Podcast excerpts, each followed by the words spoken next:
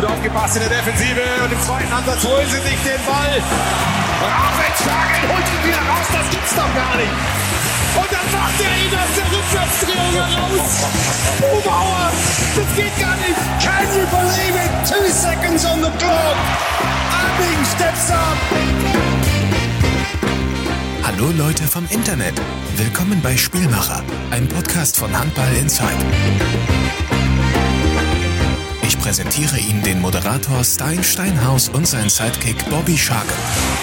Der geht doch gar nicht. Viel Spaß beim Zuhören.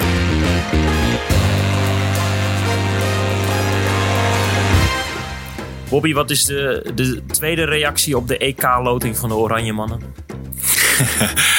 nog steeds een zware pool, maar nog steeds ook een hele mooie pool. Het is niet Kijk, veel veranderd. nou, die is niet veranderd. Voor de mensen die eh, nu inschakelen en de vorige podcast nog niet eh, beluisterd hebben. Daarbij hebben we live met Dani Bayens naar eh, de balletjeshow in Budapest gekeken.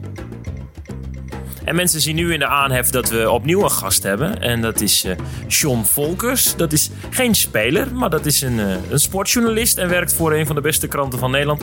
De Volkskrant. John, of is het de beste krant van Nederland? Hij houdt natuurlijk vol dat het de beste krant is. Maar we strijden daar natuurlijk wel om met NRC Handelsblad. Wat tegenwoordig NRC heet.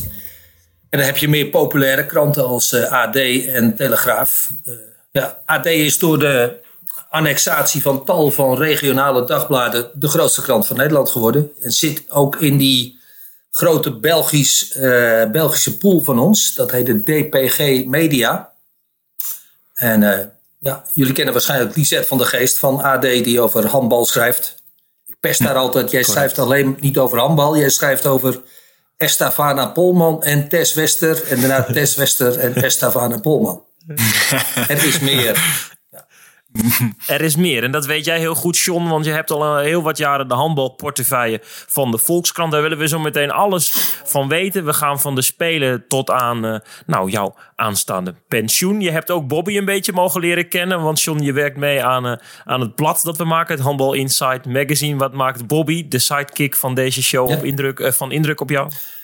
Ja, aanvoerder van het Nederlands team, wat, eh, wat het geweldig doet momenteel. Eh, daar heeft hij ongetwijfeld met zijn ervaring een grote bijdrage in. Ik had hem zo gegund naar dat WK in Egypte te gaan. Ik heb nooit begrepen waarom Kaapverdië niet werd uitgesloten. En Nederland, eh, of feitelijk de wereld, daarmee de entree van Luc Steins werd onthouden. En anders wel Kai Smits. Dus ja, echt, eh, echt jammer. En als je daar van dat team de aanvoerdersband mag dragen, dan ben je een grote meneer. Hoor je dat, Bobby? Ja, lief. Volgende onderwerp. Eh, eh, John zit in een groepsappje ook met ons en Ingrid Lemmens en eh, Herman Nijman, wa- waarmee we het magazine maken. Bob, hoe, hoe heb jij John mogen leren kennen in een aantal maanden tijd? Ja, ik, vond, ik vind dat nog steeds een hele eer dat eh, zulke mensen met ons kleine platformpje en blad eh, willen meewerken. En ehm, ja, ik, eh, ik ben daar echt nog steeds heel blij mee. Dat eh, geeft weer wat extra inhoud. En het is, eh, dat zei ik ook al een keer tegen jou, het is eigenlijk mijn favoriete appgroep. Ik vind het altijd leuk om, eh, om een beetje daarin over handbal te discussiëren met, eh, met journalisten. Dat vind ik mooi. Ja. Kijk, jij, vindt de, de app met Mike Tadij minder leuk dan de app met John Volkers. Eh, anders leuk. Anders leuk, heel mooi. Voordat we naar de Spelen gaan, John, en daar heb jij ook allerlei informatie en wetenswaardigheden over. We hebben een uurtje met je, want straks ga je zwemmen kijken. Je doet ontzettend veel sporten voor de Volkskrant. Ehm, Maar dan ben ik wel benieuwd, hoe ben je dan in het, in het handbal gerold en hoe lang doe je dat al voor de krant? Nou, ik, ik ben zelf, ik was een, eh, een snelle voetbalspits. Tot ik natuurlijk zo vaak geschopt werd dat mijn eh, chirurg eh, zei na een operatie: Jij moet niet meer op zo'n veld gaan lopen. Je kunt beter eh, eh, een ondergrond zoeken die wat vlakker is. Dus eh, basketbal of handbal. Mijn broer speelde handbal bij het toen nog nietige VZV in het veld. En zo ben ik in handbal gekomen. En vanaf 1975 eh, speel ik handbal. Ja, in 1977 werd ik tamelijk out of the blue sportjournalist voor Noord-Hollands Dagblad. En ik zat een week later, denk ik, of twee weken later, op de tribune bij het eh, toenmalige Entius SEW. Later Zeeman Vastgoed SEW, nu West-Friesland SEW. En die promoveerde twee jaar later naar de Eredivisie. Je kunt het juist niet voorstellen. In 1979 naar de Eredivisie. En een jaar later gingen ze Europees spelen. Dus ik mee naar Wenen, ik mee naar Sofia. nou, ik was natuurlijk zelf al een, eh, een handbaldier. Want deze Hemelvaartsdag waarop we deze opname doen... was voor mij altijd een bijzondere dag. Omdat ik 25 jaar lang tussen Hemelvaartsdag en de zondag die daarop volgt... een uitwisseling met een Duitse handbalclub heb georganiseerd. TB Gaggenau. Ehm, wij leerden daardoor het Duitse handbal kennen. Bobby weet uh, als geen ander wat het verschil is. Het is veel fysieker dan het Nederlandse spel. Wij werden ook geveegd in de eerste jaren. Maar vervolgens klampten we toch wel aan. En ik, we kwamen in de buurt van die loeisterke, knijterharde Duitsers. En uh, ja, dat is, een beetje, dat is een beetje mijn geschiedenis. Dat ik uh, niet alleen voor een kleine krant, maar ook voor een club actief was in handbal in, 19, in, die, in 1905 of 76 trad ik ook toe tot de commissie, hou je vast, pers en propaganda van de afdeling Noord-Holland-Noord. Pers en propaganda. Wie bedenkt het? en, uh, maar het was wel een lastige positie, moet ik zeggen. Want ik schreef ook voor die krant natuurlijk. En best wel vinnige stukjes over SEW of CSV of niet over VZV, want daar onthield ik me wel van. Dus het was echt wel een, uh, uh, een bijzondere handbaltijd voor mij. Vooral omdat ik zelf nog aanvankelijk speelde. Maar toen ik dan, ja, toen ik dus steeds drukker werd in die sportjournalistiek, ging ik naar het tweede team met een hele uh, groep van routiniers. Ja, dat was wel, dat is teamsport, gezelligheid, praat in de, in de kleedkamer, praat in de kantine, trainen door de weeks. Ehm, uitwisselingen met, met welke een... speler van, van Oranje, zowel de mannen of de vrouwen, zou je jezelf vergelijken toen? Oh nee, wij, wij, op het hoogste niveau wat wij haalden was de tweede divisie. En toen ik, uh, toen ik in 88 naar uh, het Europees kampioenschap voetbal was, Euro 88, gewonnen door Nederland. Jullie weten het nog wel. In datzelfde weekend uh, speelde VZV op eigen terrein om het kampioenschap van Nederland veldhandbal. Dat was wel het hoogst bereikbare. En de mannen verloren in de finale, ik geloof van BDC uit, uit Soest. Ja, allemaal uh, uh, lang verleden. Veldhandbal is eigenlijk weg, hè. maar het zette wel voor mijn club, dat is nog wel aardig om te vertellen. Mijn club is, heet tegenwoordig Juro Unirec VZV. In 1982 werden die kampioen van Nederland in Ridderkerk, veldhandbal. door Wings uit Den Haag te verslaan. Het jaar daarvoor speelde ook meer nog veldhandbal. Het befaamde ook meer van Frans van Iersel, Georgina van Iersel, Hanneke van Eil. Maar VZV werd vervolgens een paar maanden later, na die 82-titel, op in de zaal geveegd door uh, ook meer wat toen OSC was gaan heten. Ook meer slotenvaart combinatie. Trek jullie nu echt de geschiedenis in. en toen besloten wij bij de club, ja, het verschil kan niet zo groot worden. We moeten wat doen. En toen hebben we, ben ik in een commissie gaan zitten die uh, prestatie voor ogen had met die club. Uh, die een sporthal bouwde. Ik ben 25 jaar voorzitter geweest van een stichting die de eigen sporthal bestierde. Nu hebben we zelfs een tweede sporthal. Um, nou ja, zo, zo zit ik tot mijn oren diep in het handbal. Dat was best wel lastig als journalist, want ze bekijken je dan wel met een beetje wantrouwen als je over handbal schrijft. Van ja, je bent supporter, maar ja, ik zou willen zeggen, kijk eens naar al die voetbaljournalisten die, die hun ogen ook niet van het groene gras kunnen houden. Hmm. Je noemde net uh, um, twee minuten geleden uh, hm. het woord vinnige stukjes, zei je. Ja. Volgens mij sta je ook best wel bekend als, uh, als een journalist die er bovenop zit en ook gewoon heus vraagt wat hij, wat hij wil vragen. Vind je dat het belangrijk is in de, in de journalistiek? Nou, ik ben zo opgevoed. Dat is het denk ik vooral. Uh, ik ben wel wat milder geworden. Maar toen ik, al toen ik voor het Noord-Hollands Dagblad schreef... en daarna voor het ANP, wat iets natuurlijk iets feitelijker is... maar vervolgens voor de Volkskrant...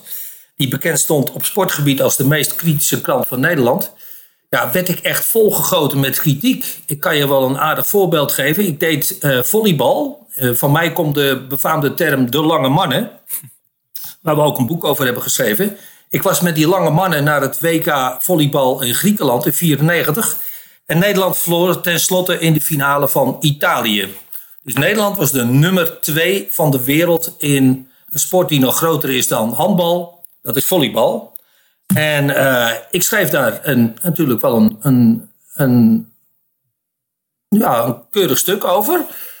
Waarin ik de Nederlandse ploeg zei. Ik, ik zei eigenlijk: de Nederlandse ploeg nadert Italië met rassen schreden. En Ben de Graaf, de, de chef sport, die vond dat ik daarmee veel te aardig was.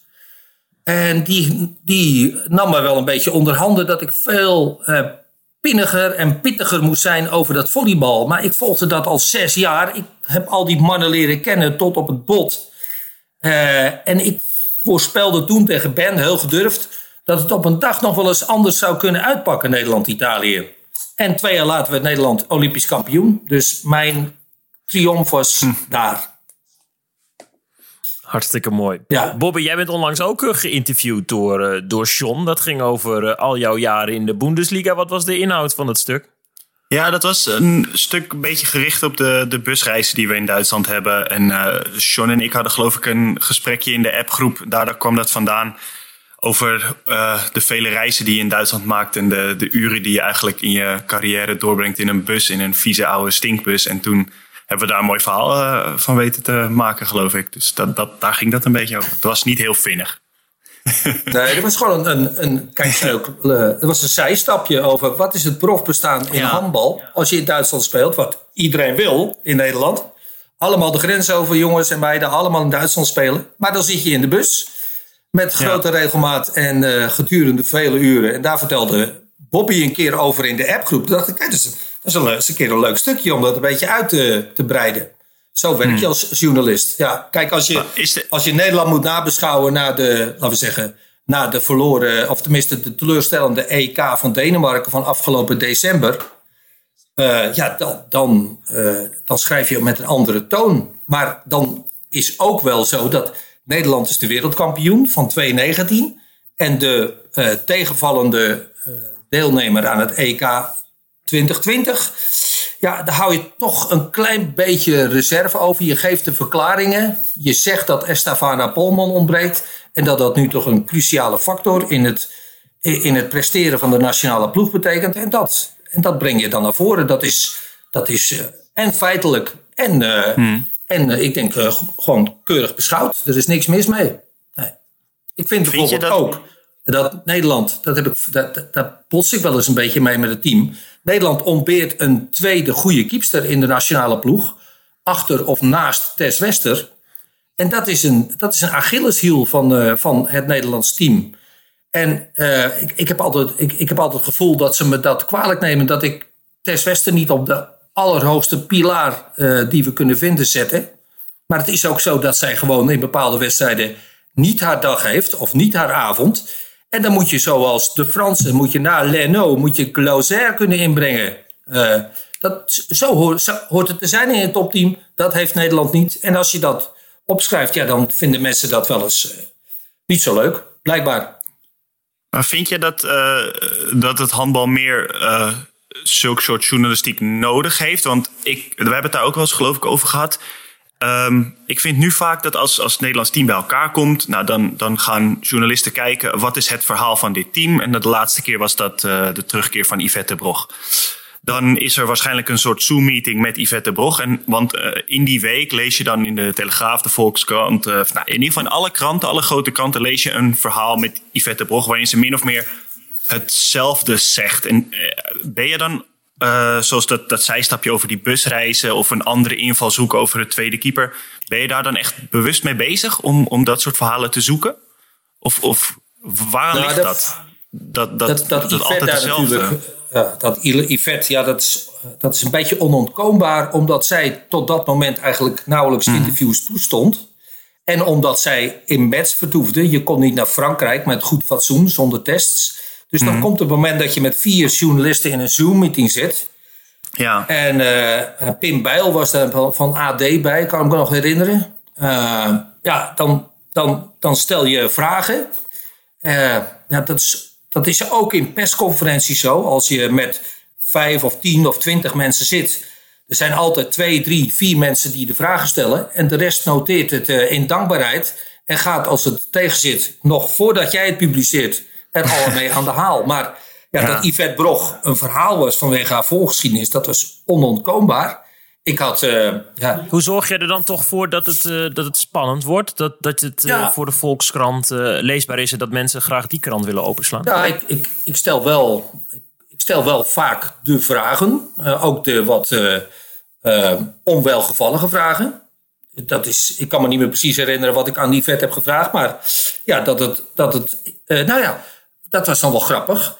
Ik vraag gewoon uh, aan haar ergens uh, halverwege het gesprek. Deze week opent de teststraat voor de Nederlandse Olympische sporters op Papendal. wanneer moet jij erheen en, en hoe is dat geregeld? Zegt zij, ik ga daar niet heen. Ik laat me niet vaccineren. Oh, zeg ik.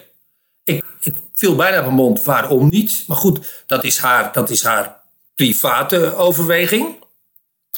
En dan zegt ze, maar ik denk dat ik hier beter uh, niets meer over kan zeggen. Nou ja, dat, is dan, dat snap ik dan wel van haar. Zij, ik heb daarna Pieter van de Hogeband, de chef de mission, uh, gebeld. En gevraagd hoe hij in die situatie stond.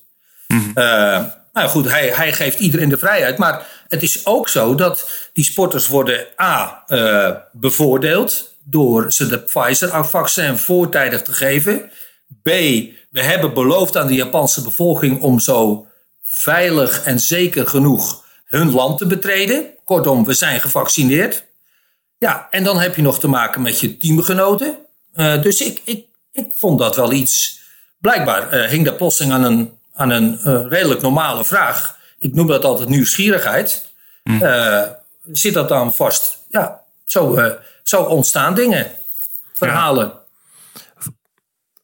voordat ik wil weten of jij vindt of zij mee moet uh, überhaupt naar Tokio, is, uh, is dat heel belangrijk, nieuwsgierig zijn en soms een beetje brutaal zijn ook? Ja, vind ik wel. Dat, dat leer je door de jaren heen. Ik was vroeger, ik was vroeger al best een brutaal joch. En uh, niet van de categorie Bobby Schagen, want die komt uit Amsterdam. Dan ben je nog weer een, een stap verder. Maar bij, ja, ik, ik weet je, de meeste journalisten gaan op hun vragen zitten door ze niet te stellen.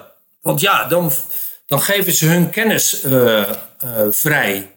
En dan kunnen anderen benutten. Ja, dan denk ik, ja, als je, uh, als je goed voorbereid bent, dan, dan weet je gewoon best veel. Of je volgt een sport lang. En dan, dan vorig jaar bij vertrek naar, naar Kumamoto voor het WK, bleek het NRV iets helemaal verkeerd ingeschat te hebben over plaatsing. En ik stel die vraag. En toen moesten ze wel bekennen dat ze er gewoon naast zaten. Jij was er ook bij, Stijn. Ja, ja kun je wel zeggen, ik stel die vraag niet. En ik ga het, in de, ik ga het ergens in de wandelgang nog uh, vragen. Maar dan kunnen ze moeilijk zeggen. Dan kunnen ze vrij makkelijk zeggen. Ja, sorry John, daar kan ik even niet op antwoorden. Hm. Maar als je in zo'n grote massale bijeenkomst zit, dan is er niets weg te duiken. En dan, nou ja, dat heeft zo zijn voordelen. Nou, het is het ene en het andere. Je probeert en een persoonlijke insteek te hebben en een collectieve insteek. En ik wil daar best mijn eh, vinger voor opsteken. Daar, daar zit ik echt niet mee. Ik vind ook dat een journalist op jaren, en dat ben ik, dat die heeft ook een beetje de morele taak om vragen te hmm. stellen. Uh, maar het was zelfs al zo in voetbal. Toen ik, ik heb 23 jaar voetbal verslagen. Ik heb vier WK's gedaan, vier EK's. Ja, ik was de jongste van het hele spul. En, uh, en, maar ik stelde toch mijn vragen. En, en zo hoort het ook volgens mij. Alleen zo word je een betere journalist. Rinus Michels zei tegen mij in 88. Ik was 33 jaar oud toen al. Toen zei hij tegen mij na een aantal vragen. Toen zei zeg uh, Gijsie Gochem. Tegen mij. hij was die vragen voor mij zat. Ja. Dus dat, daar moesten ze wel allemaal om lachen. Ja ik, ja, ik dacht ook, ja, ja, nou ja. Aan de ene kant is het een lichte sneer. Aan de andere kant is het feitelijk een compliment voor een jong iemand die uh, ook zijn plek wil hebben in die wereld. En ook vraagt naar de waarheid. Want je staat daar altijd, dat is voorwaarde één. Je staat er niet namens John Volkers of de Volksrand. je staat er namens het publiek. Het publiek wil weten hoe dingen zitten. En jij bent het, uh, het werktuig om die vragen te stellen en die antwoorden door te geven. Maar het kan, het kan er natuurlijk ook voor zorgen. Jij dit als. Uh, ja, jij. Oh, sorry, ja, het kan er ook voor zorgen dat je dan als lastig gezien wordt. En dat spelers misschien niet meer met je willen praten, waardoor je informatie uh, niet krijgt of geen mooie verhalen eh, kunt maken. Maar daar ben je dan niet zoveel mee bezig. Want ik geloof dat het bij het, in het handbal ook wel is, is gebeurd. Is dat dan niet een soort afweging die je maakt? Ja, ja je, je kunt er natuurlijk je kunt er met een botte bijl ingaan. Uh, dat, dat, is, dat is wat onhandig. Je moet het wel, je moet het wel wat geserreerd doen. Uh, maar, maar wel doen. Uh, alleen maar keurig glimlachen naar de personen van wie jij iets wilt weten. Daar word je niks beter van. Ja, uiteindelijk krijg je wel een keer waarschijnlijk een primeur of een primeurtje. Maar primeurs stellen niet zoveel meer voor. Vanmorgen had Wielenflits de primeur Tom Dumoulin, Ronde van Zwitserland, Olympische tijdwit. Ja, dat is dan drie minuten. Later is het over de hele wereld verspreid. Uh, dus ja. de, de functie van de primeur. Dus eh, ik bouw vooral aan een goede band met die sporter of sportclub. En dan krijg ik wat. Ja, die, Ja. Is, die is, de opbrengst daarvan is beperkt. Dus je moet ook natuurlijk je moet ook een beetje handelen naar de signatuur van je krant of van je medium. Als je, Ja. als je NOS'er bent, dan moet je al die mensen voor jouw microfoon blijven komen. Kijk, dat Tess Wester niet met mij wil spreken, om welke reden dan ook, dat is voor mij niet lastig. Maar voor Han Kok zou het wel vervelend zijn. Snap je? Ja. Die, die Ja. wil wel die vraag aan haar stellen. Zeker bij die WK-finale en die rode kaart en penalty die Nederland meekreeg in die laatste 30 seconden. De grap van dit alles was, dat jullie zijn handbalkenners, dat de meesten niet eens wisten, tot en met de commentatoren aan toe. Hè? Dat is later allemaal, Ja, ja, ja. als je de. NOS, eh, volgens mij de NOS-tape, en ik denk ook Raymond Koning, is dat rechtgezet nadat ze het wel wisten. Maar ze wisten niet wat er gebeurde. Ja. Ja. En, en Tess wist ook niet wat er gebeurde, bleek later. ja, die waren ook allemaal totaal verbijsterd. Omdat het bijna nooit gebeurt, de 30 seconden regel. Ja. ja. Nou, En toch leverde het goud op en zijn ze nu rechtstreeks, rechtstreeks geplaatst voor de Olympische Spelen aankomende eh, Ja. juli Ja. in Tokio. John, jij gaat daarheen. Brog, mee of niet? ja, Brog gaat mee. Ja, ja, zeker nu Polman een groot vraagteken is geworden.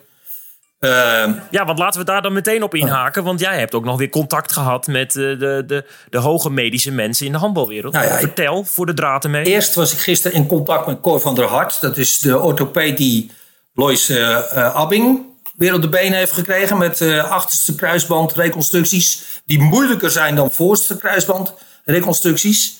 Is de oude En Ajax die keeper was- of niet? Zijn vader was... Het is Corrie van der Hart feitelijk. Zijn vader, Cor van der Hart, was de grote stopperspeel van Ajax, eh, Lille... en later het profvoetbal van Fortuna Sittard. Veel, Veelvoudig Nederlands eh, elftal gespeeld. Assistent trainer van Rinus Michels in WK voetbal 74. Verloren finale voor Nederland. Deze Cor van der Hart zei... Het is... eh, ja, het is hij, hij zei... Hij reageerde na het sturen van het filmpje... Te snel, te snel, te snel, John. Kortom, eh, revaliderende mensen van voorste kruisband reconstructie ingrepen... komen vaak te snel terug. En dit is... Dit, eh, daarna heb ik ook Diederik Oei, de teamarts, gesproken van Nederland. Die moet natuurlijk een beetje met de handrem aanpraten. Maar eh, ja, gemiddeld is de, ik, ik, is de waarneming dat dit, dat dit voorbij is voor dit jaar. Een, een re-ruptuur van de, van de eh, voorste kruisband rechts. Dat, ja, dat is, kan einde carrière zijn. Hè? Het klinkt heel hard. Maar een sportarts die ik heel goed ken, wiens naam ik niet bekend kan maken. Die zei tegen mij, John, einde carrière. Gewoon voorbij. Ja, dat is eh, niet Ja, mega, mega zwaar voor Polman. Bobby, eh, twee maanden voor zo'n spelen. Jij bent topsporter. Als er dan een streep door zo'n toernooi kan, mogelijk zelfs eh, je carrière. Hoe, eh, hoe komt daar iemand me- mentaal nog bovenop of niet? Dat verschilt denk ik heel erg per persoon. Ik ken eh, een teamgenoot van mij die nu voor de derde keer zijn kruisbanden heeft afgescheurd. En ja, dat lijkt mij. Ik heb er zelf geen ervaring mee, maar het lijkt me mentaal echt ontzettend zwaar. Maar goed, het is nu allemaal een klein beetje voorbarig natuurlijk. Misschien, eh, misschien heeft ze een klein beetje een bandje verdraaid en eh, speelt ze over drie weken weer. Maar goed, Eh, de, haar, ik ben haar, geen dokter, ik weet het niet. haar reactie op het veld, hè, die was wel eh, eh, Ja, eh, duidelijk. Ja, slaan tegen de Ze deur. sloeg op de grond als een, eh, in, in een mengeling van, eh, Ja. van pijn en boosheid. Volgens mij was ze ook een paar weken, ik weet het niet zeker, ik krijg het niet boven water. was er volgens mij eh, wat corona aangedaan. Of het was in haar familie. Waardoor. Ja, ik want Rafael van der Vaart zien we al een paar weken niet bij Studio Voetbal. In de beslissende weken notabene van de Nederlandse competitie. Dus die, die zit volgens mij ergens thuis achter een spatscherm. Eh, ja, eh, nou goed. mis- Misschien is dat. we genoeg eh, fysieke uitdagingen. En dat is natuurlijk eh, voor allereerst Polman eh, heel zwaar en heel Ja. vervelend. Laten we duimen. Mogelijk dat deze podcast online komt, dat het al bekend is. Maar op dit moment nog niet. Ehm, ja, er, er kunnen dan ook maar 14 mee. Dan komt er weer een, een, een plaatsje vrij. John, op de stoel van eh Mayonade zitten. Hoe, hoe ga je dan zonder Polman eventueel je, je opbouwrij inrichten? Nou, ik denk dat, dat Nussen nu meegaat. Anders was ze niet meegegaan. Ik denk dat hij, eh, dat hij. Kijk, hij kan natuurlijk gokken door Brocht niet mee te nemen en Dulfer door te schuiven naar de cirkel. Maar ik denk niet dat hij dat doet. Ik denk dat hij op een, op een zwaar bezette verdediging gaat leunen. Dus met Brog, met Snelder, met Dulfer. Eh, grote, eh, sterke spelers om de cirkellopers tegen te houden. Nou, in het midden was het natuurlijk uitgemaakte zaad. Daar dan Inger Smits en, en Estefana Polman zouden komen. Op de linkeropbouw Lois Abbing, Kelly Dulfer. En op de rechteropbouw Laura van der Heijden, Dione Huisheer. Maar ja, nu, nu valt zo mogelijk Estefana weg. En dan, eh, dan, moet hij, eh, dan moet hij zijn plan wijzigen. Ik vind, vrijdag kwam er geloof ik zo'n lijst van 35 binnen. Die hebben we waarschijnlijk bestudeerd. Ik vraag me af wat de zin is van een lijst van 35. Dan kun je iemand op het laatste Dat is moment... dan zo'n officiële, Ja. officiële lijst. Daaruit mag je uiteindelijk putten. Maar ja, als je 14 hebt, dan zitten er nog 20. Dus, eh, daar, eh, 21 gaan voor, eruit. Je mag er, er gaat één reserve mee. Je moet dus een, een gaatjesstopper meenemen. Dat was de vorige keer Jesse Kramer. Eh, die heeft het hele toernooi naast Diederik Oei op de tribune gezeten. Diederik is de teamarts. Zat altijd 10 meter naast mij op de perstribune van Rio. Nou ja, als je, als je over verpieteren eh, wilt spreken... dan moet je op die plaats gaan zitten. Dat is leuk zeg. Ja, vreselijk. Ja, ontzettend Ja. zwaar. Inger Smits dus boven de Larissa Nusser in, jou, in, de, in jouw ogen in de pikorde. Waarom? Ja, omdat, ze, eh, omdat ik Larissa Nussen de laatste, de laatste drie interlands... maar het viel me ook al een beetje op in, in, eh, in Kolding... eh, gewoon eh, minder tot haar recht kwam. Die, die felle passeerbeweging en dat afronden. Dus echt aan het zoeken naar haar plekje. En Inger Smits heeft zich eh, heeft, een paar keer de draad aardig opgepakt. En, ja, en, en ja, vooral op snelheid is zij met dat grote lichaam.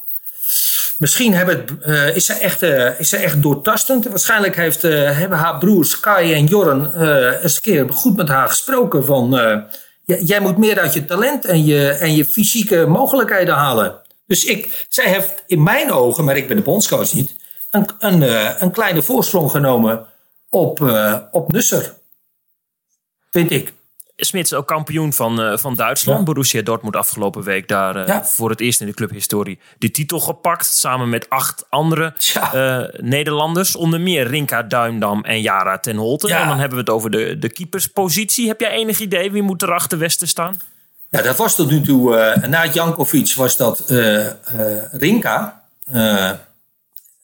En nu, ja, ik, ik weet niet waar ik het op baseer, het is een beetje gevoel. Eh Jara ten Holte eh, zou ook eh, goed passen. Maar goed, ja, ik, ik denk ook, kijk, ik weet dat de bondscoach heel veel moeite heeft gedaan om Jessie Kramer te behouden voor de nationale selectie. Hoewel die eigenlijk haar carrière heeft beëindigd na een operatie drie weken geleden. Waarbij een, een stuk bot uit haar knie werd gehaald, de grootte van een verstandskies.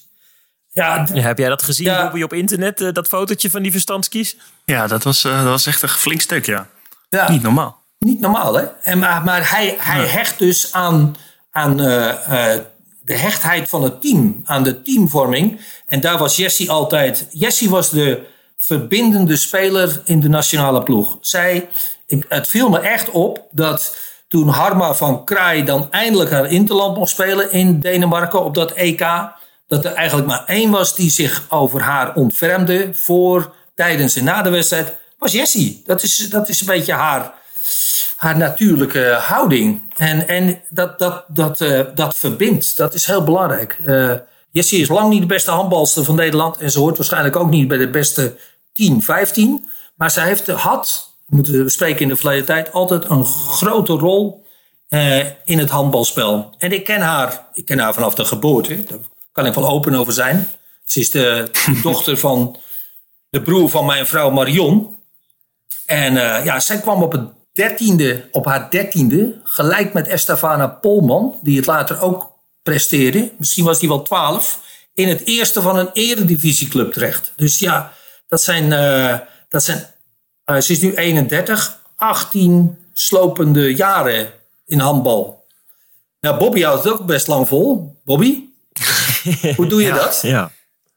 Ja, ik, ik ben denk ik dat ik van geluk mag spreken dat ik een, uh, een hoekspeler ben. En dat ik uh, vanuit nature altijd probeer om zoveel mogelijk lichamelijk contact uit de weg te gaan. Okay. Uh, ik denk dat dat ervoor zorgt, uh, in tegenstelling tot Jessie, dat ik misschien wat langer mee kan dan 31. Dat hoop ik.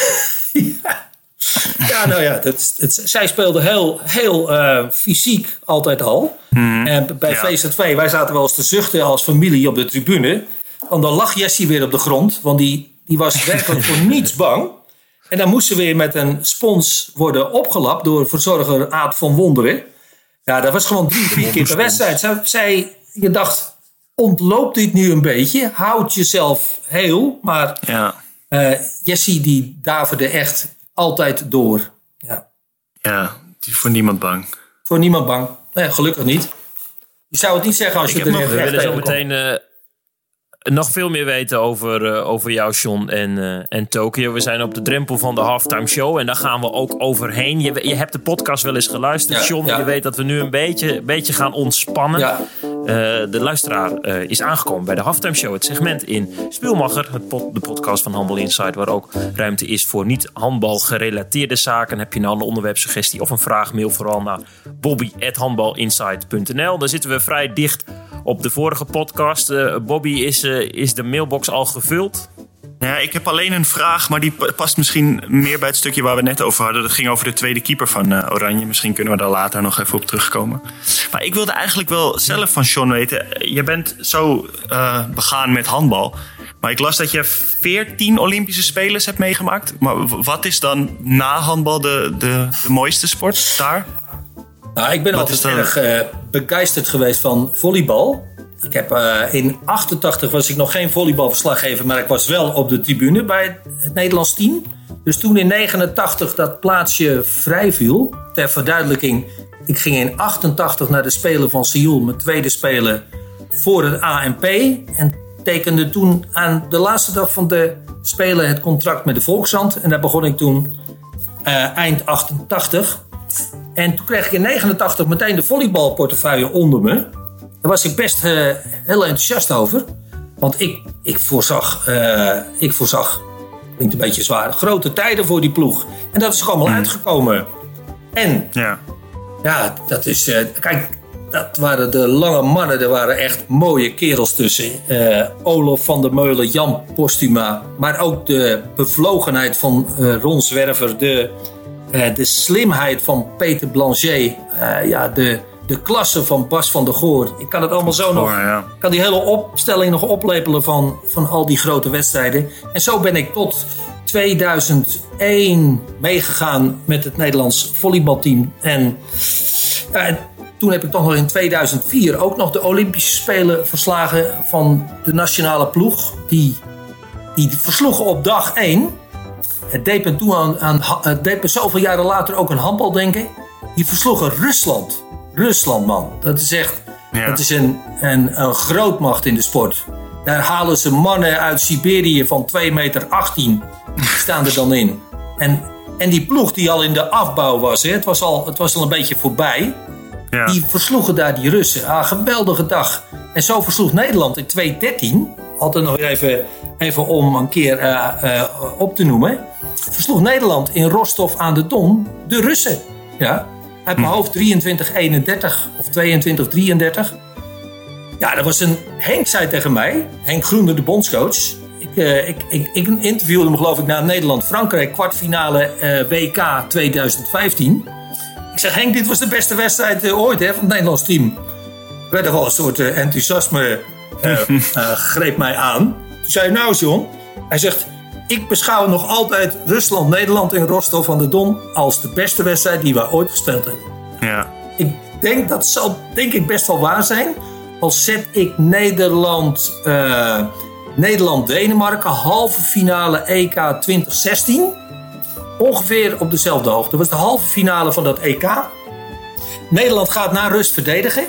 Jessie kwam er ook in. Eh Danique stond er. Eh Yvette. Eh, ik denk Kelly ook al.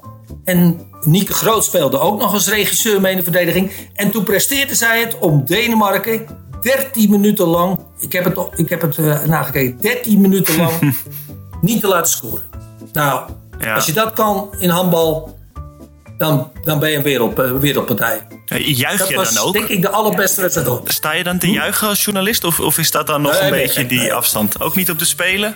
Wereldkampioen? Dan Eh, nou, ik heb, Komt er geen. Ik heb gejuicht in mijn leven. Ik heb gejuicht in mijn leven. eh, eh, even gestaan en even een vuistgebaar. Voetbal. Nederland-Duitsland in Hamburg. Halve finale. Nederland wint door Van Basten Ja. in de laatste minuut. sliding. Toen hebben wij met een paar... Ja, sliding. Sliding goal. Toen heb ik gejuicht 96. Eh, Han, Willem Vissers van ANP, Hans Klippens van NRC Handelsblad en ik hadden het boek De Lange Mannen geschreven. En Nederland wint die fameuze partij na drie, drie uur en twee minuten. En toen hebben wij elkaar een high five gegeven. en ik ben die nacht erg dronken geworden, durf ik wel te bekennen. ik ben zonder schoenen thuisgekomen. Ik weet, ik heb mijn schoenen de lucht ingegooid in het, eh in het Holland House. En ik heb ze nooit meer teruggevonden. Dus, eh, Iemand heeft de schoenen ja, van John Dat Volk. was wel... Dat, ja, dat was wel een extatisch moment. En toen de Nederlandse estafetteploeg zwemmen... want ik heb ook 20 jaar zwemverslaggeving gedaan...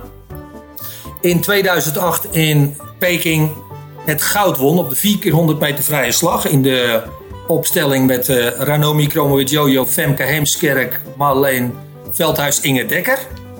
Ja, toen, dat, die versloegen dus Australië en Amerika. Op zwemmengebied is dat onbestaanbaar. Ja.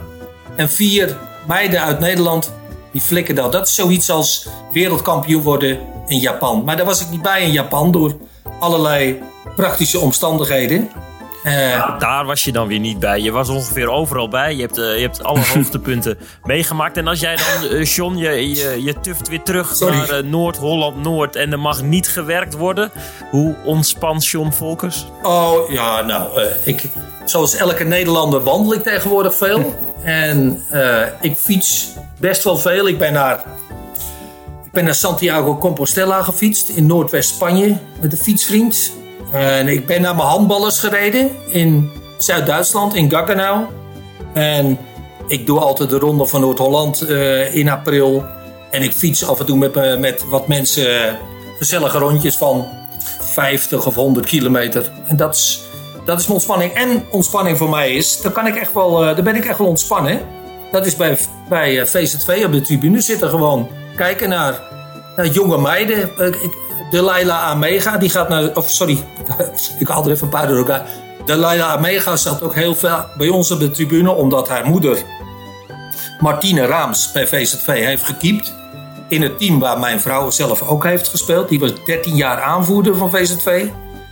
Ja, en dan, dan zie je dus de kinderen van, van de teamgenoten van Marion daar spelen. De eerste international van VZV bijvoorbeeld was, leuk om te vertellen, Judith van Dam. Die speelde in, onder Tom van Linder in 89 14 interlands. Toen had je nog een BWK. Je had C, B en AWK. Je kunt het niet meer voorstellen. Dat was toen. En Judith speelde. Judith had een, een geweldig schot. Tot ze eigenlijk eindigde met een gescheurde kruisband. Ook toen al, in die tijd. Maar haar dochter Mout, Mout Kruijer, die speelt dan op de linker opbouw van VZV. En mijn, weer een andere tantezegger, Lotte Prak. eh, Dat is waarschijnlijk de beste spelverdeler in de eredivisie in Nederland. En weer een andere nichtje, Jane Kramer, staat ook op de linkeropbouw. en Jasmine Trabelsi was aanvoerder. Eh, en die scoort dan uit de hoek en gaat nu naar Fuchse Berlin. Wat is dat, Bobby? Fuchse Berlin, is dat wat? Ja, bij de mannen, Is dat groot, eh, bij de mannen is dat een, echt een topclub. Top 5, denk ik, top 4 in Duitsland. Een van de grootste clubs Geleid door, door Bob Hanning. Ja. Eh, bij de vrouwen, voor zover ik het weet, is het een eh, ploeg in opkomst. Echt een ploeg die net als een beetje Borussia Dortmund nu de afgelopen jaren heeft gedaan. Dat die stappen willen gaan maken naar boven toe. Dus wel interessant, ja. Die leunen, op Neder- en die leunen dan op Nederlanders. Hè? Dat is toch wel In het opvallend. vrouwenhandbal moet je op de Nederlanders leunen. Want, eh, Ja, Boetes, Kruiswijk, Molenaar. ja, in het vrouwenhandbal moet je natuurlijk op de Nederlanders leunen, wil je wat bereiken. ja, dat lijkt erop. Ja. Eh, wat, Eh, vo- voordat we alles willen weten over VZV, eh, wil ik hierbij even de, de, de halftime show eh, afsluiten. Heb je nou een onderwerpsuggestie voor de volgende keer? Mogelijk zitten Bobby en ik er dan weer met z'n tweetjes. Mail dan vooral, want dat is leuk. Lange mailen, mails, korte mails. Alles is goed. Mag van hot naar her gaan. Bobby at handbalinsight.nl John, waarom is VZV de leukste eredivisieclub? Mogelijk wel gewoon de leukste club van Nederland? nou, vanwege, ik denk het, het familiegevoel. Al die mensen die, die daar zo bij betrokken zijn. En die, eh, die, laten we zeggen, gebouwd hebben van een clubje uit de derde divisie. Naar een, eh, naar een volwaardige eredivisieclub bij de vrouwen.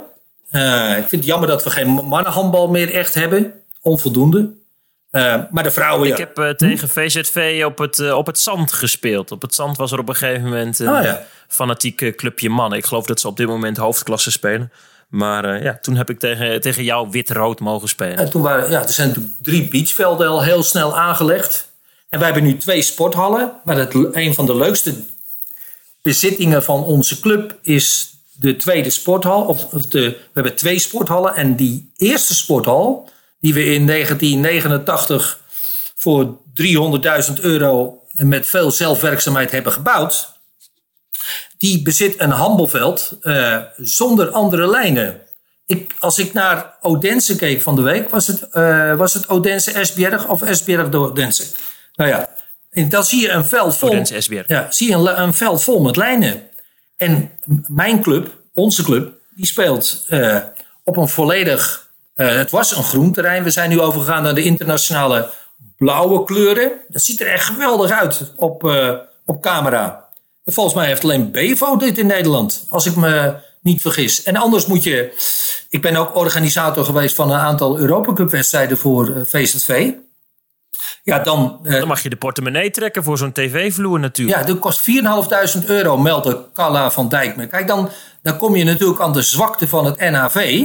Dat NHV moet gewoon zorgen dat op zo'n moment eh, daar een vloer wordt uitgerold op kosten van het NHV. Wij, bedoel, wij hebben het allemaal zelf gedaan hoor. Maar dat is wel een beetje het manco van het Nederlands Handbalverbond. Dat ze geen financiële slagkracht hebben om dit soort dingen te organiseren. Want ze, je moet ook alles zelf uitzoeken. Ik, ik weet nog dat we in 2017 voor het eerst eh, eh, Europees gingen handballen. Eh, ja, dan tegen Rokasa uit Spanje. Ja, dan, dan moet je En dan hebben we het op dit moment over VZV inderdaad. Ja. dan moet je dus alles voor VZV uitzoeken. Eh, ik, ik vorderde met twee andere mannen die, eh, die uit de schaatsen kwamen. Van nationale kernploegen en zo. Ook betrokken intussen bij onze handbal. Jan Boekhoff en Frank Nussen. Vormden wij het organisatiecomité. Ja, we, we- het is gewoon van scratch af beginnen.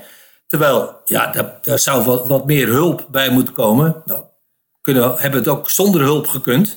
En toen kwamen we ook aan een probleem wat zich in Nederland al jaren afspeelt. We hebben onvoldoende echt geschikte hallen voor, eh, voor groot handbalbezoek.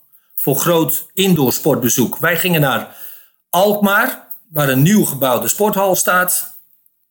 Maar eh, ja, daar konden we toch niet meer dan, nou ik denk eh, nee, 800, 900 mensen kwijt. Omdat door een bouw, door een constructiefout in de hal mocht een gedeelte van de hal niet echt gebruikt worden. Dat heeft te maken met, eh, met de, de betonnen fundering.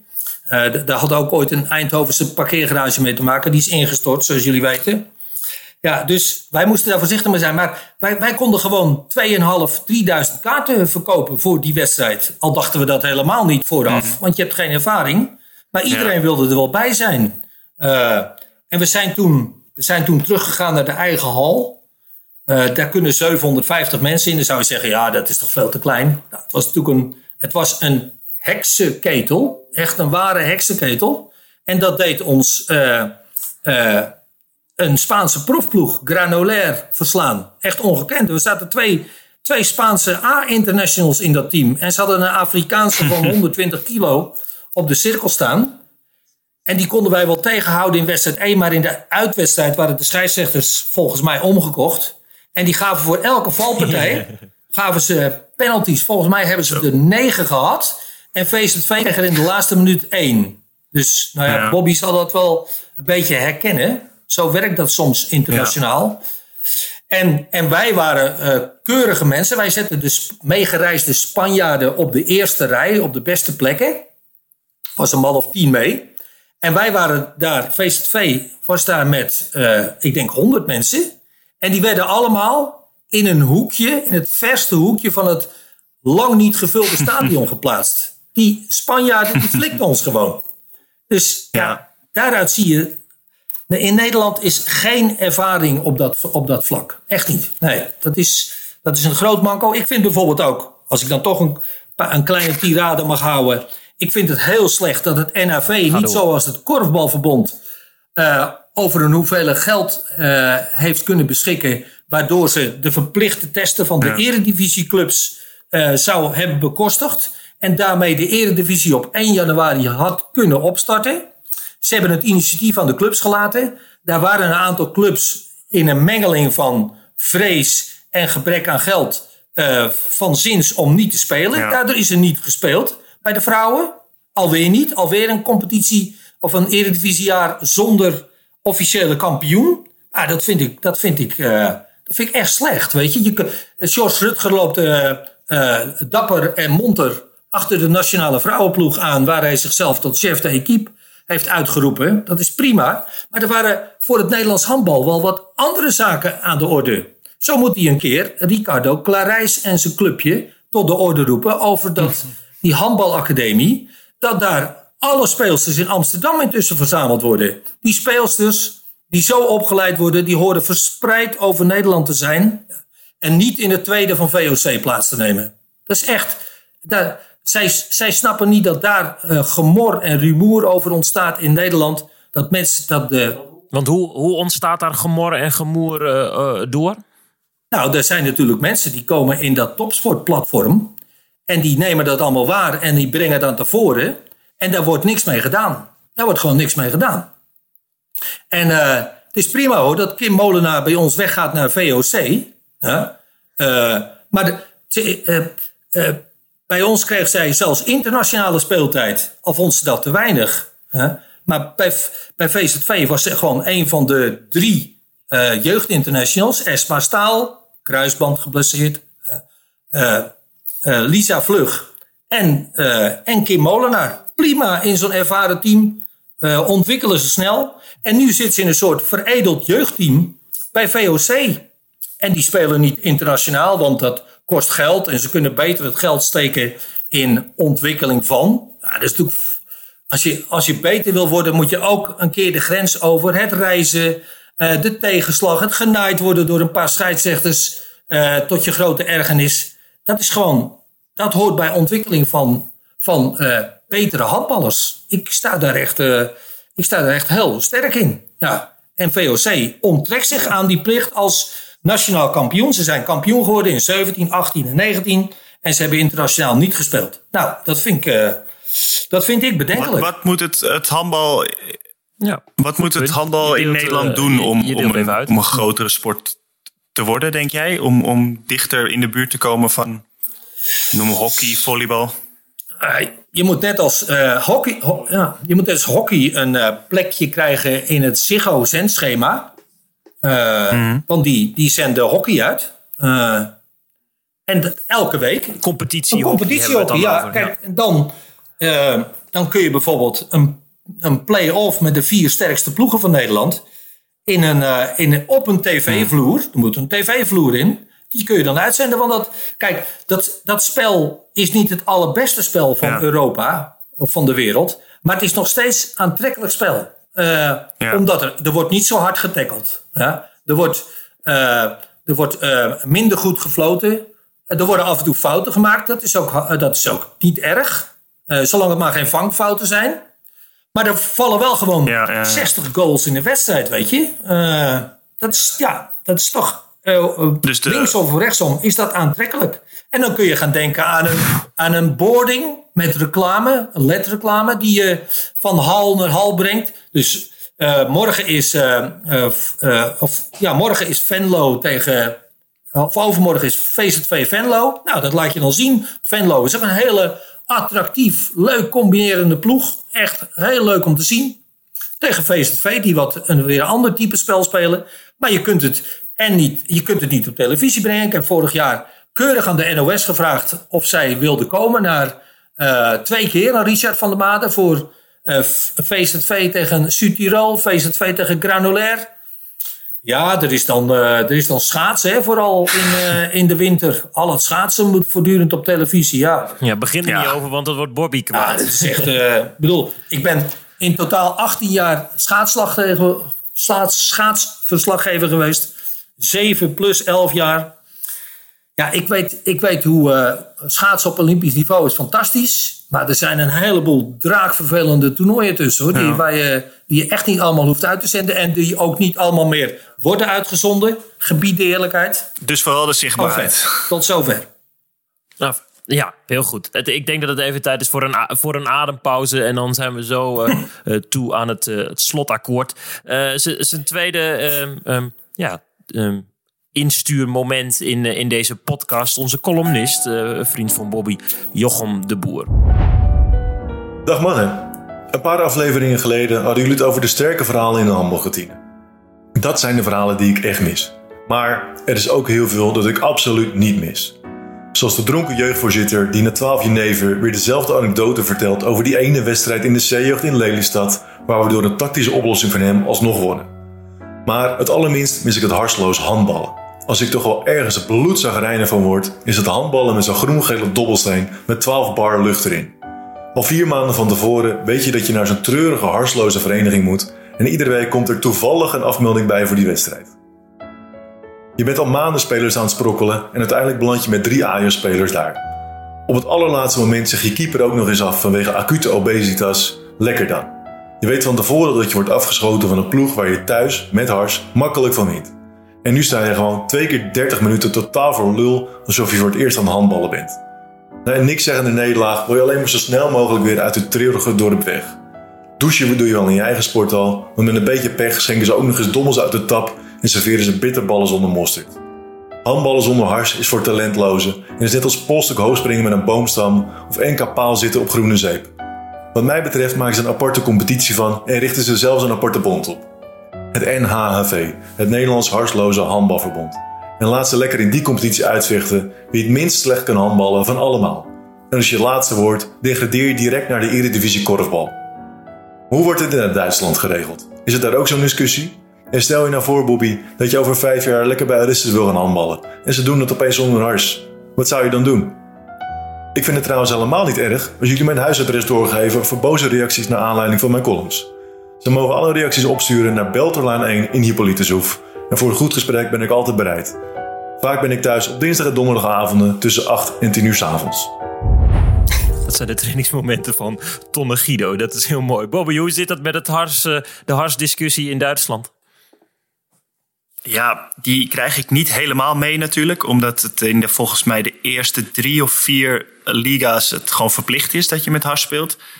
Ehm, maar daaronder eh, zijn er volgens mij ook wel eens discussies over. Maar in Duitsland is handbal een, een wat grotere sport en, en hoort het er gewoon bij in mijn ogen. Ik denk dat heel veel mensen het snappen. Het is alsof je gaat voetballen zonder, eh, met kiksen zonder noppen. Je glijdt de hele tijd uit. Dus ik denk dat mensen dat, dat hier beter begrijpen. En in Nederland is de sport nog zo klein dat je wel eens een, een zaalbe- zaalbeheerder hebt eh, ja, die, die daar niet zo voor ik, heb eh, ik heb wel gezien bij SFW. Die hadden een nieuwe sporthal, de Lentebloesem. Prachtige hal met een hele lichte vloer. En dan moesten de speelsters na een eredivisie-duel een doekje Hmm. in de hand nemen en een of ander schoonmaakmiddel.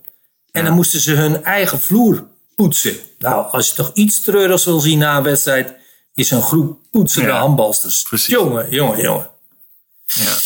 Ja, ik ben het daar, ik ben het daar erg mee eens. Uh, John, ik geloof dat, dat ze zometeen het, het water ingaan, het WK zwemmen. Weertman moet geloof ik, hè? Ja, maar bij mannen zwemmen, over 10 kilometer gebeurt drie ronden niks. De vierde ronde worden de posities ingenomen. En de vijfde ronde van twee kilometer gaat het los. Dat gaat echt verschrikkelijk hoor. Kijk. Ik zag net een armtempo van een Hongaarse. Die, die, zwom negen, die zwom 90 slagen in de minuut. Dat is echt extreem hè.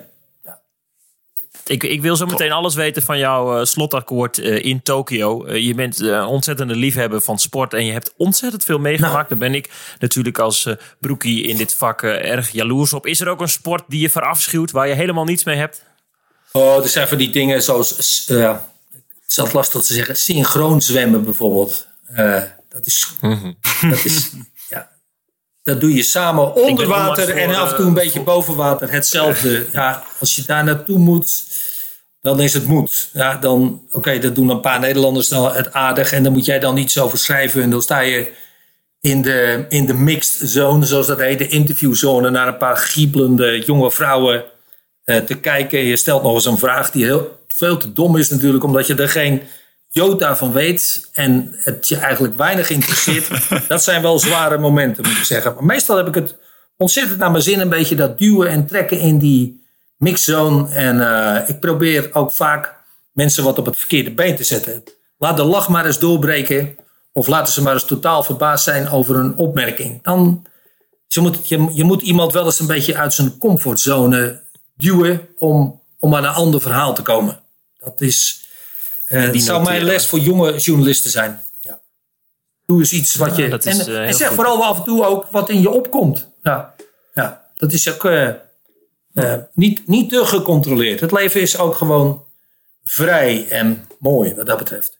En ik moet zeggen, dat nemen we toch nog eventjes mee in, in deze podcast. John, uh, na de zomer moet de Volkskrant uh, verder zonder, zonder jouw ingevingen. Worden de Spelen je laatste kunstje voor, voor de krant? Ja, voor de Volkskrant eindigt mijn contract op 15 augustus. Ik heb een verlengd contract. Ja, ik doe dus nog de, de, de Spelen van Tokio. Ik verheug mij op, op het Yoyogi. Yoyogi is de naam van de Olympische zwemhal van 1964. Die hebben ze nu voorzien van een fantastische houten vloer. Uh, echt is een fameus gebouw.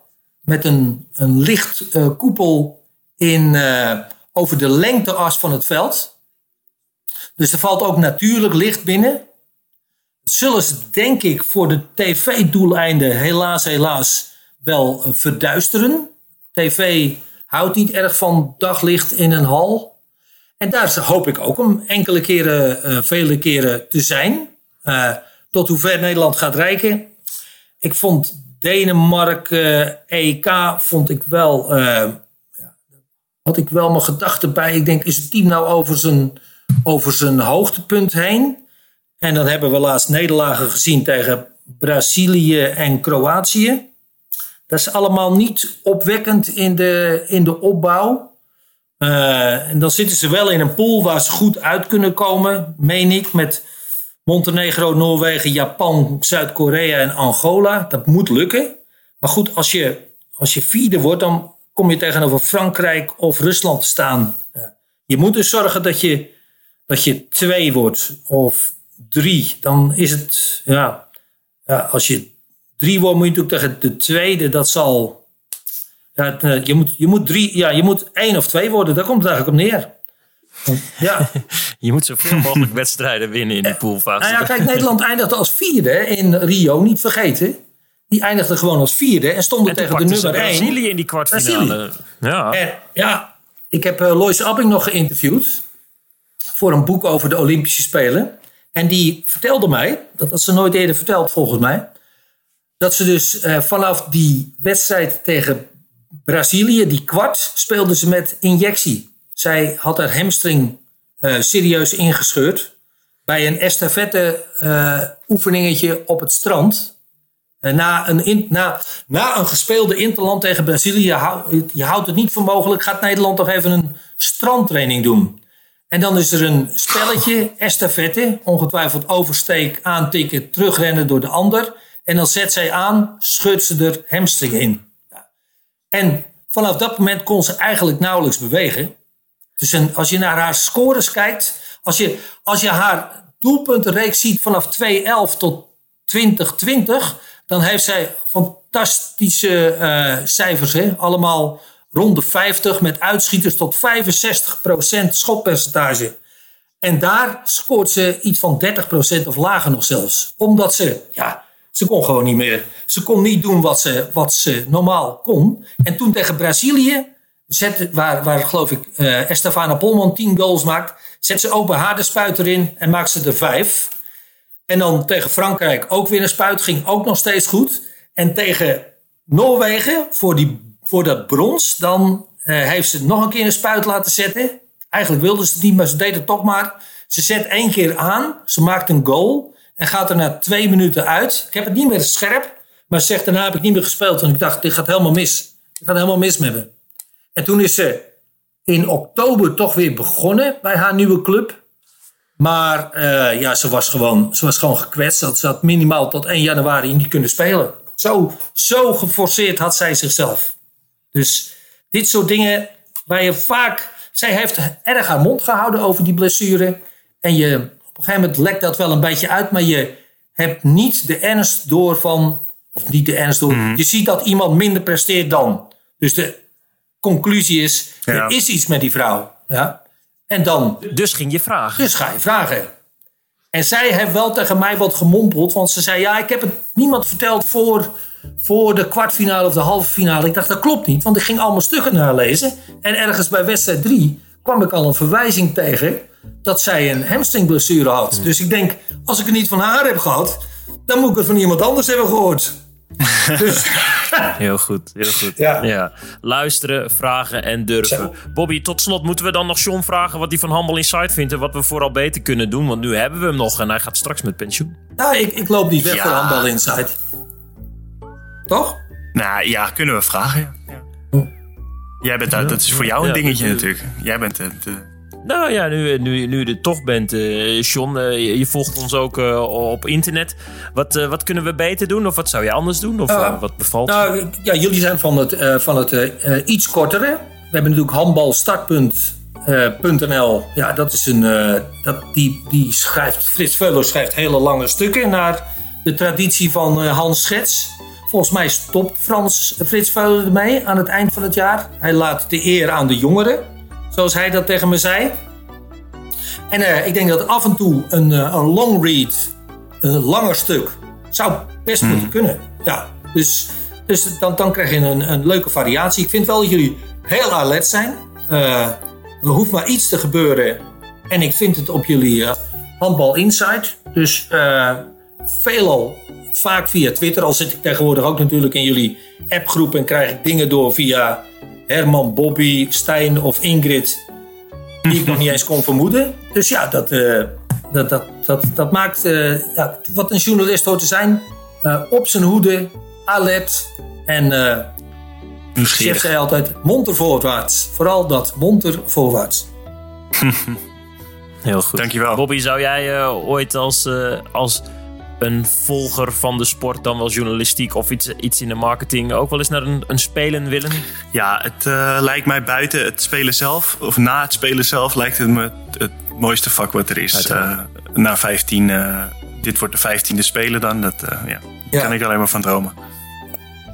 Ik ga jullie op de hoogte houden. Als yes. ik er ben. Dankjewel, John. Ja. Diepe, okay. diepe buiging voor alles wat je gedaan hebt, John. En wat fijn dat je tussen tussen alles door nog eventjes voor ons en de luisteraar eh, een uurtje had om uh, leeg te lopen. Het was uh, graag gedaan. Dankjewel. Ik wil de luisteraar graag bedanken uh, naar de 15e aflevering, 16e zelfs, in de derde seizoen van Spielmacher, een podcast van Handbal Insight. Heb je nou een onderwerpsuggestie voor de halftime show? Mail dan vooral naar bobby.handbalinsight.nl. En ja, tot de volgende keer. John, Bobby, tjus. Tjus.